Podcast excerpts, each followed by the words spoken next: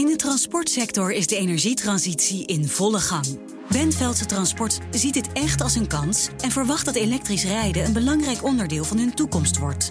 Inmiddels rijden ze al elektrisch voor onder andere supermarktketens. Meer weten? Je leest het verhaal op partner.fd.nl/slash bp.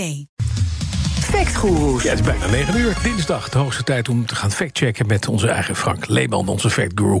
Frank, goedemorgen. Hi, goedemorgen. Zit 50% van de gedetineerden in ons land korter dan een maand? Ja, Hoe komen we erbij? Nou, in het debat voor de begroting van Justitie en Veiligheid op 7 februari hoorde ik Kamerlid van D66, Joost Sneller, dit zeggen. En tegelijkertijd weten we dat van alle gedetineerden 50% korter zit dan een maand en 75% korter zit dan drie maanden.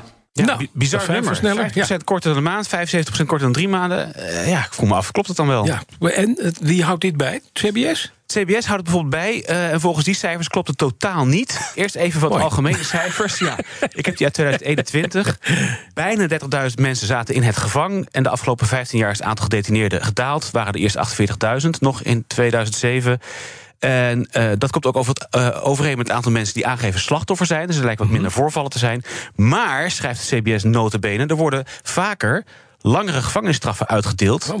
En in de afgelopen drie jaar had 66% een straf van een jaar of langer, schrijven zij. Oké, dus je zegt het al wat sneller zegt, klopt van geen kanten. Nou, de heer Sneller die heeft zijn Oh. cijfers niet van het CBS, maar van de dienst Justitiële Inrichtingen, de DJI.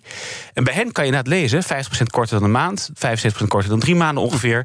Dus ik vroeg me af, hoe kan het verschil in die cijfers nou zo vreselijk groot zijn? Ja. Dus ik heb gebeld met CBS, ik sprak met onderzoeker Maarten Bloem. En het komt hierdoor. Er is inderdaad een verschil tussen de cijfers zoals de, de dienst justitiële inrichtingen die bijvoorbeeld presenteert en de cijfers van het CBS. Want het CBS presenteert die cijfers op een pijldatum. Dat is altijd eind september van elk jaar. En dat betreft een hoger aandeel van gedetineerden met een relatief lange strafduur.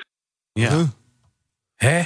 Toch gek. Dus eind september krijgen mensen Met langere lange straffen. straf. Ja, precies. Heet het nog meer Hoe, aan? hoe, hoe, hoe kan het nou? Hoe kan het die cijfers niet bij elkaar zitten? Ik Ja. begrijp het nog steeds niet. Nee, nee, dus er komt nog meer uitleg. Oké. Dat hogere aandeel van mensen met een langere strafduur komt omdat als je elk jaar op die pijldatum kijkt, dat je een deel van de gedetineerden met korte straffen, die ofwel eerder in het jaar zeg maar, zijn ingestroomd in de gevangenis, eh, maar ook alweer snel zijn uitgestroomd, of de mensen die na die pijldatum instromen en ook nog uitstromen, dat je die niet ziet in de cijfers zoals het CBS die publiceert. Ja, dus als je, dus als je meet, hey, op je meetpunt zitten de mensen met een lange straf, die zitten er eigenlijk altijd. Precies. En je hebt natuurlijk. Ja, Er zitten tussentijds mensen die zijn er al uit. Ja.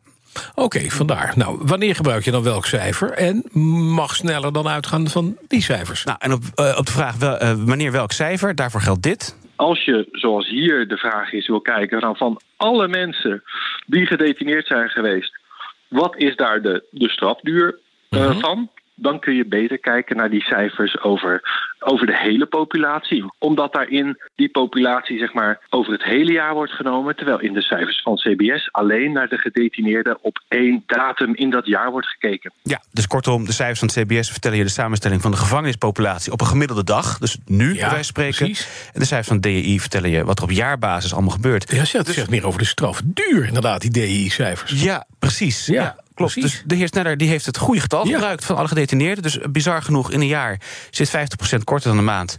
75% korter dan drie maanden, als ik het nou eigenlijk goed samenvat. Eh, dus het klopt wat hij zei. Overigens zag ik nog, eh, samenstelling van de gedetineerde bevolking. Ja? 93,7% man, 6,3% vrouw. Dat is een veel groter verschil dan ik eigenlijk had verwacht. En de rest? 0,3 procent?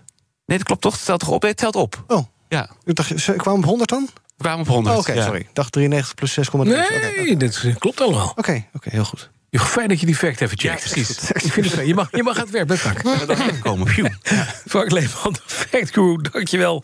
Elke dinsdag rond de klok van 9. In de transportsector is de energietransitie in volle gang.